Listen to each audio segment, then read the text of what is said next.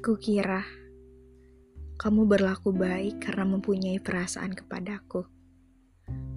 Sehingga makin lama, aku pun mempunyai perasaan yang mendalam kepadamu.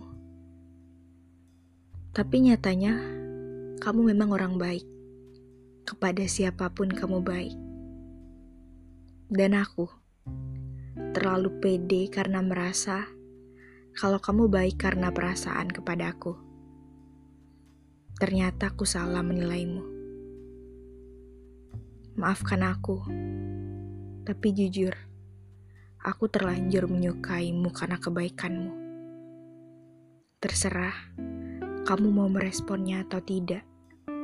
Yang penting aku sudah mengungkapkannya.